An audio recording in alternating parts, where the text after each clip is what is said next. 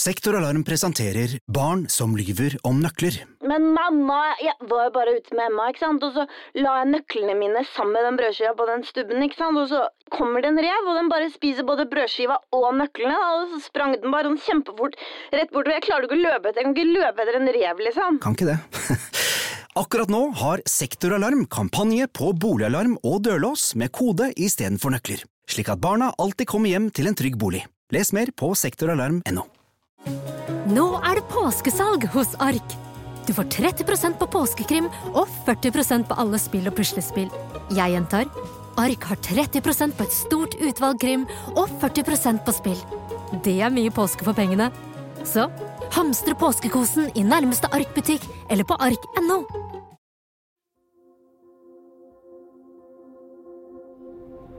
Her har vi vi fossen. stoppa Ja. tatt et bilde her, da? ja, vi må stoppe et bilde. Hvor da? Her? Ja, vi bare parkerer, og så går vi bare bort. Det er en ledig plass der. Skal vi ta på oss de rosa refleksvestene og være med i de skuelystne? Det er fredag 11. august 2023. Seks dager før Jonas blir funnet drept. Helgastein og Morten sitter i bilen sammen med Jonas og kjører gjennom Hønefoss og ser på fossen i sentrum av byen som har steget voldsomt etter den siste tiden med ekstremværet Hans. Det er tilrettelagt, da, vet du. Altså, vi kjørte forbi her for, i forbindelse med en annen sak bare for uh, tre dager siden. Og da rant det liksom helt fint og normalt her, så det er helt vilt å se på det her. Det er mange som har flokket til brua som deler byen i to, for å se på de store vannmassene. Her har det blitt en ny turistattraksjon. det her. Må se positivt på det, da. Det blir mye jobber for diverse entreprenører nå. Ja. Skal ryddes opp eh, etterkant. Ring Fossum AS, vi fikser ditt overskjønte. Helge gir telefonen sin til Jonas, som tar et bilde av ham og Stein Morten på brua med Hønefossen i bakgrunnen. Dette bildet blir lagt ut på vår Instagram og Facebook samme dag. Lite visste vi hva som skulle skje, bare seks dager senere. Og så må du få med Alta foss og sånn, da. Sånn. Fy faen, det blir mye bra, ass. Med oppgangssaga imellom. Her står folk og tar bilder. Ja. Katastrofe bringer folk sammen, for nå er det flere folk på brua enn på 17. mai. Endelig ble det interessant.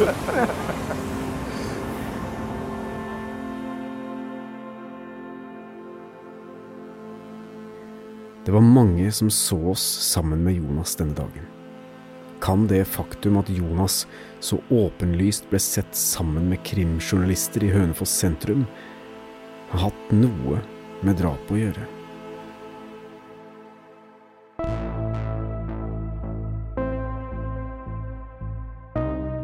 Dette er Drapet på Jonas, en podkastserie fra Avhørt, del seks, De siktede.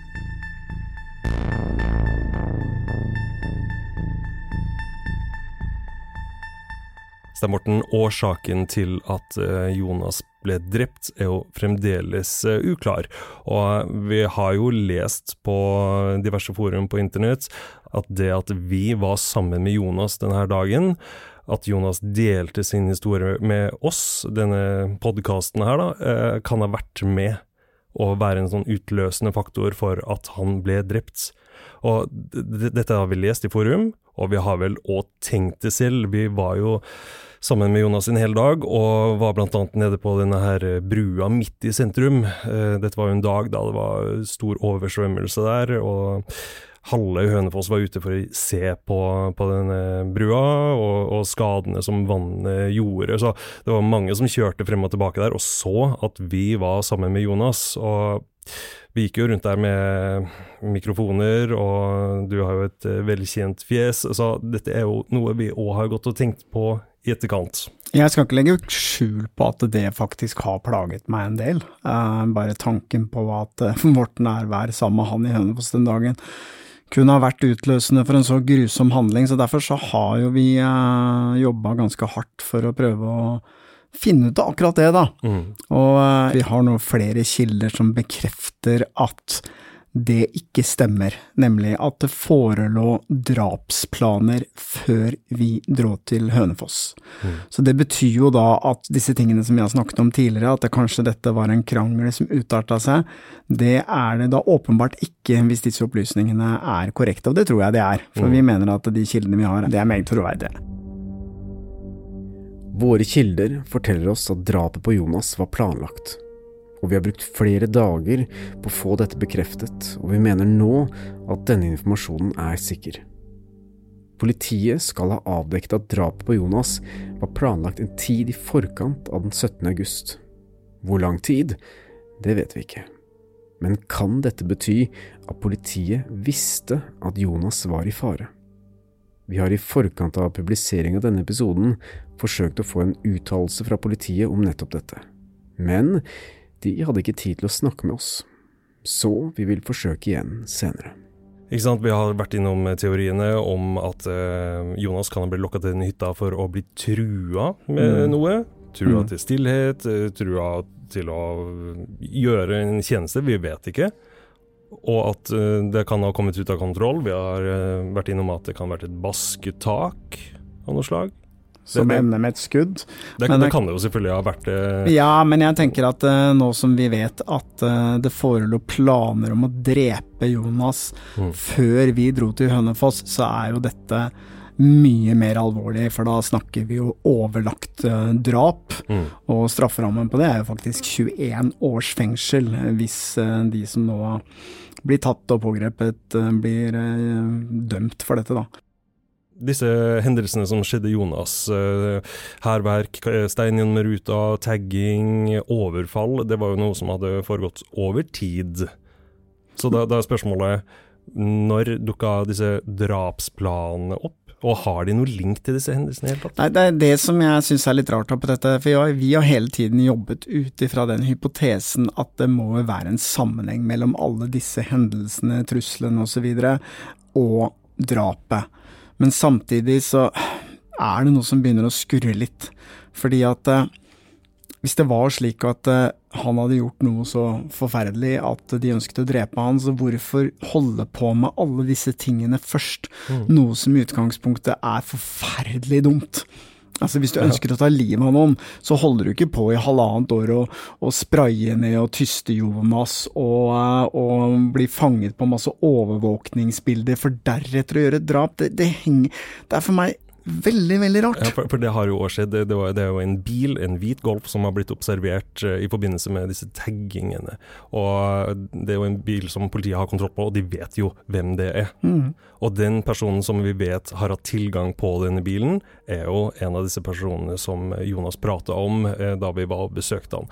Men vi vet òg at han er jo ikke blant de pågrepne er det En ting at du driver hærverk og kaster noe maling og tagger og sånn, men derfra til overlagt drap, planlagt drap, det er en veldig lang vei å gå. Og det kommer jo masse opplysninger inn hit som kanskje peker på at uh, dette er noe større, da. Tidligere i denne podkastserien har vi fortalt om skuddene som ble hørt i hytteområdet bare noen dager før Jonas ble funnet død.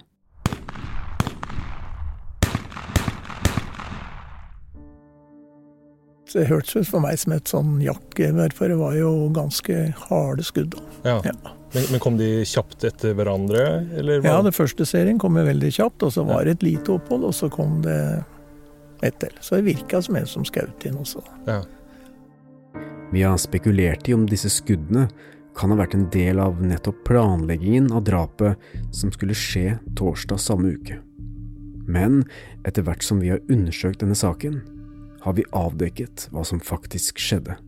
Det har vært uh, veldig mange spekulasjoner om uh, hva som har skjedd, og hvordan det har skjedd, og hva skjedde i forkant av dette drapet. Og uh, vi har jo snakka tidligere om disse 14 skuddene som noen hyttenaboer hadde hørt og vi har jo òg lansert noen teorier om hva det kunne være. Var det snakk om eh, en testskyting for å sjekke politiets responstid? Det, det, det, har vi vært innom. Men eh, det vi har fått høre nå fra eh, veldig sikre kilder, er at dette er ikke knytta til det som skjedde med Jonas. Dette er altså en annen hytte hyttenabo som har brukt våpen på denne mandagen, og det har ingenting med drapet på Jonas å gjøre. Det har vi fått bekrefta. I en sak som dette er det viktig å utforske alle mulige teorier. Vi får inn nye tips og snakker med nye mennesker hver dag som ønsker å bidra til etterforskningen. Å undersøke de forskjellige teoriene nærmere bidrar også til å eliminere eventuelle villspor. Og nå kan vi krysse disse mistenkelige skuddene vekk fra lista, slik vi også vet at politiet har gjort.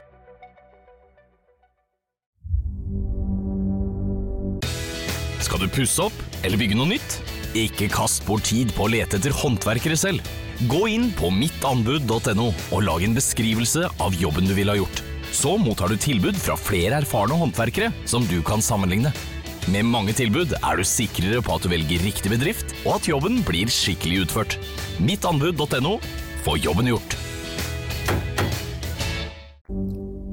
Den 14. september ble en 28 år gammel mann pågrepet av politiet ved en bolig i Rena i Innlandet, og siktet for drapet på Jonas. Det skulle vise seg at denne mannen var en kjenning av politiet, og hadde flere dommer bak seg. Samme dag sa politiet at de ikke utelukket flere pågripelser i saken. Denne første pågripelsen i saken som faktisk skjedde nøyaktig fire uker etter at Jonas uh, ble drept, det var jo en person som vi eh, ikke hadde kjennskap til i det hele tatt. Det var et nytt navn som kom inn fra sidelinja, men vi har jo jobba nå ganske knallhardt for oss å eh, lære litt mer om denne personen, og vi vet jo nå uh, hva slags type han er, uh, hva han har gjort for noe tidligere, hva han er dømt for, og vi har også prøvd å finne en link til Hønefoss. Ja, for at, eh, vi har jo hatt dialog med veldig mange på Hønefoss i kretsen rundt Jonas, men òg lengre, lengre ut. Og dette navnet til den som eh, da ble pågrepet der, var jo Det var ikke kjent for noen. Ingen hadde hørt om han. Men det vi ser nå, er at det kan være en link her, nemlig til en skole. En sånn yrkesfaglig kjøreskole det vi hører, er at eh, den pågrepne skal ha gått noen kurs på Hønefoss.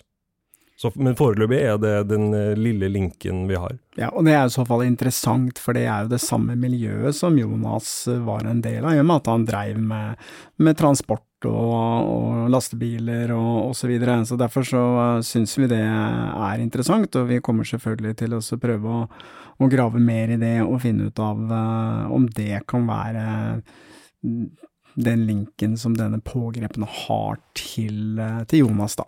Apropos graving, så vet vi at den pågrepne har jobba som gravemaskinfører for et uh, selskap uh, i Innlandet. Han gjør ikke det lenger nå, og grunnen til det er jo at uh, han bruker livet sitt til uh, rus og tyveri, som vi leser ut av flere dommer som vi har fått innsyn i.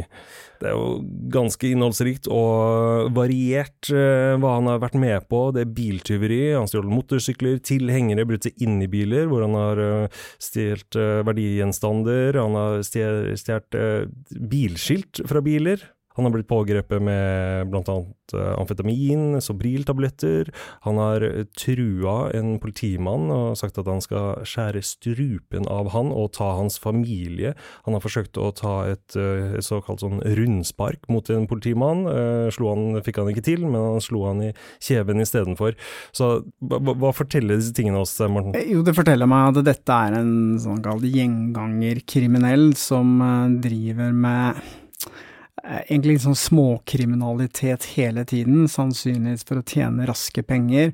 Og vi vet jo også at han har hatt befatning med rus og narkotika, og da tegner det seg et bilde av en person som ruser seg, og som hele tiden trenger å tjene noe penger, stjele noen biler, bryte seg inn, osv., osv. Så, så har vi òg fått prate med personer som kjenner den pågrepne, som har vokst opp sammen med han, gått på skole, vært naboer møtt han i forskjellige settinger, og det de forteller om, er jo en uh, utagerende kar som eh, helt fra skolealder ble jo tydelig at han eh, hadde ADHD, eh, og var fikk sin første kontakt med politiet da han var 14 år gammel. Og siden det så har det gått i mye kriminalitet og rus. Så det å Rus her er veldig sentralt.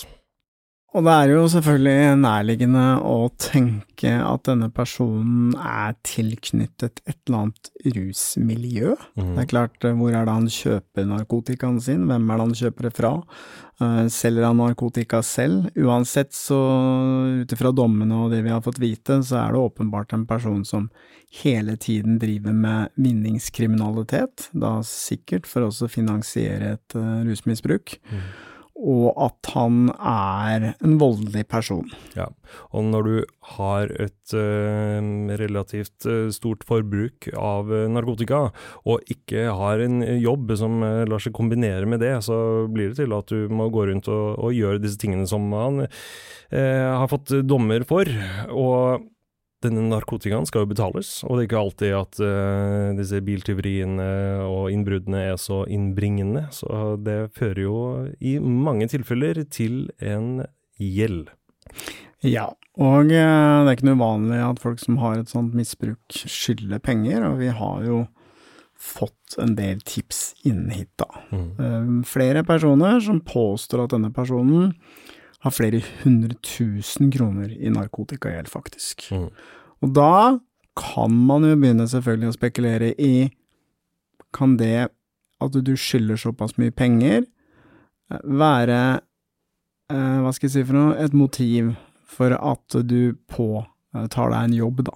Mm. Hvis, hvis, du er en person som, som, har få sperrer i forhold til vold, som har tilgang på våpen, som har eh, et narkotikaproblem, Uh, og som skylder masse penger, og hvis det er noen andre personer da som ønsker for eksempel at Jonas skal bli drept, naturlig å gå til han og si ok, uh, du skylder oss penger, men hvis du gjør denne jobben, så kan vi kutte gjelda di, eller et eller annet. Mm.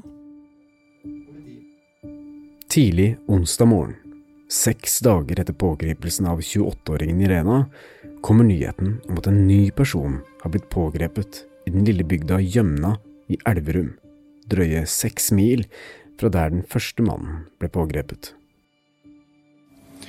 Eh, det er en 30 år gammel eh, mann.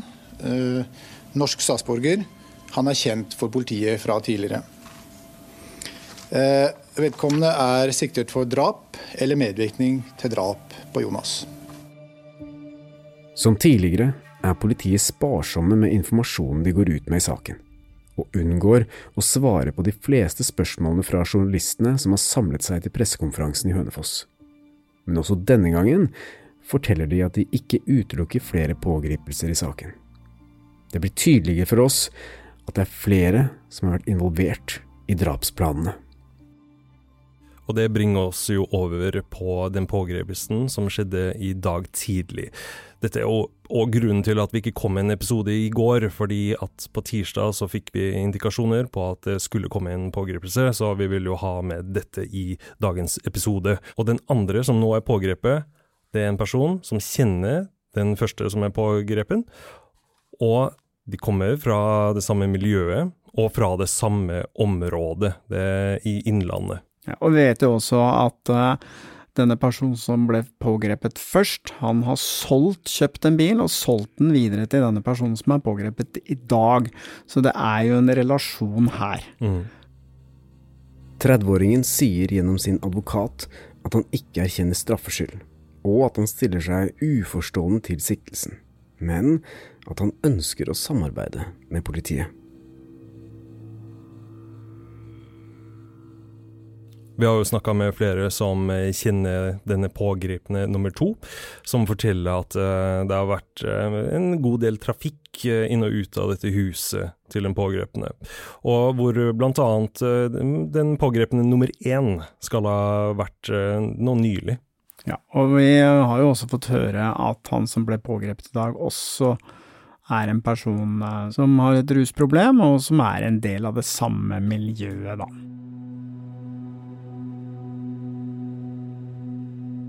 Faktisk samme dag som den første pågripelsen fant sted, kom vi også på sporet av denne mannen, som var en gjenganger i det samme miljøet. For som med den første siktede i saken, har denne 30-åringen flere dommer bak seg. Blant annet flere tilfeller av grovt tyveri, oppbevaring av narkotika og dokumentforfalskning. Hensynsløs atferd i trafikken, uforsiktig omgang med sprengstoff, ulovlig oppbevaring av skytevåpen, og i ett tilfelle for noen år tilbake skal denne mannen ha siktet på en politibetjent med et ladd haglegevær da politiet skulle foreta en ransakelse hjemme hos ham. Men det som kanskje skiller seg mest ut i disse dommene, er de tilfellene hvor han er dømt sammen med flere, blant annet en sak som omfatter innbrudd i et våpenskap, hvor han, sammen med andre, stjal til seg flere våpen og en av de han begikk disse innbruddene sammen med, er 28-åringen som ble siktet seks dager tidligere. Nei, ikke sant, Denne våpensaken er veldig interessant, for disse to eh, som er pågrepet nå, de eh, gjorde innbrudd i et våpenskap og stjal eh, rundt 20 våpen. Og i dommen så ser vi at disse våpnene ble da gitt videre til andre kriminelle, som for eksempel oppgjør for narkotikagjeld. Mm. Og eh, da vet vi jo da at disse her sånn, de har hatt tilgang på våpen, kanskje de har beholdt noen av våpnene selv, hva vet vi? Kanskje noen av de våpnene som ble stjålet den gangen, faktisk er våpenet som ble brukt til å drepe Jonas. Dette er bare spekulasjoner, men det kan være. Torsdag 17. august, samme dag som Jonas blir drept, skjer en annen dramatisk hendelse i Rena-området som involverer den drapssiktede 28-åringen. Sent på kvelden denne dagen skal 28-åringen ha kjørt en bil sammen med en annen person og havnet i et trafikkuhell, hvorpå det oppsto en konflikt mellom den siktede og en ung gutt. Flere personer skal så ha blitt vitne til at den siktede skal ha truet denne gutten med en pistol. Det er ikke kjent hvorvidt politiet har sikret seg dette våpenet i beslagene som har blitt gjort i etterkant av pågripelsen. Der skal den pågrepne altså ha trua en uh, ung gutt med pistol. Dette skjedde ganske seint på kvelden etter uh, Jonas var blitt funnet, og at han da løper rundt med et våpen fremdeles. Hvilket våpen var det? Kan det, kan det ha vært det våpenet som ble brukt til å skyte Jonas? Det er jo ikke usannsynlig at det er det samme våpenet. Det betyr jo at uh, det er jo ikke veldig smart å ikke kvitte seg med et våpen etter et drap, men hvis vi liksom tenker litt på hva slags personer dette her, at det er personer med rusproblemer, så er du liksom ikke kjent for å kanskje tenke sånn kjemperasjonelt hvis du er rusa, så det kan godt være at det er det samme våpenet. Men i denne bilen så vet vi at det satt en ung gutt i 20-årene men vi vet ikke noe mer om den personen. Ja, og da blir jo spørsmålet hvem var denne karen som satt i bilen? Kan denne passasjeren ha vært med til Hønefoss den dagen? Noe gir meg følelsen på at det kanskje kommer flere pågripelser om ikke altfor lenge. Hvis du har informasjon om noen av disse hendelsene, anbefaler vi å ta kontakt med politiet. Hvis du av en eller annen grunn ikke ønsker å snakke med politiet, eller har tips du vil at vi skal se nærmere på, kan du ta kontakt med oss gjennom våre sosiale medier. Du finner Avhørt på Facebook og Instagram, eller du kan sende oss en e-post på tips at batong.no.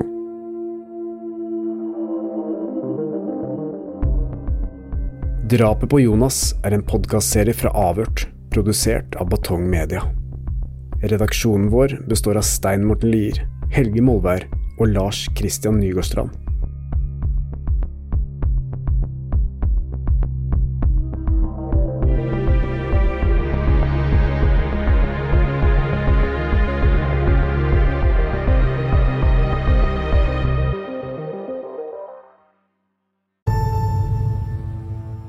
I disse dager er vi også ute med vår helt nye podkast Grenseløs med Stein Morten Lier og Jonny Haglund. Jeg heter Jonny Haglund og har i 30 år reist verden rundt til steder du antakelig aldri har vært. Så er det folk vet du, i det fjerne. Jeg ser det brenner inn i jungelen. Sånn Det har vært varmt, Vått, skummelt, kaldt, slitsomt og til tider svært krevende. Men mest av alt har det vært fantastisk natur. Herlig å våkne om morgenen i jungelen. Masse lyder. Og utrolige menneskemøter. But he has given the, the dead body to his family for eating. Nå deler jeg noen av mine opplevelser i podkasten Grenseløs. Oi, oi, oi. Grenseløs kan du høre helt gratis alle steder hvor du finner podkaster.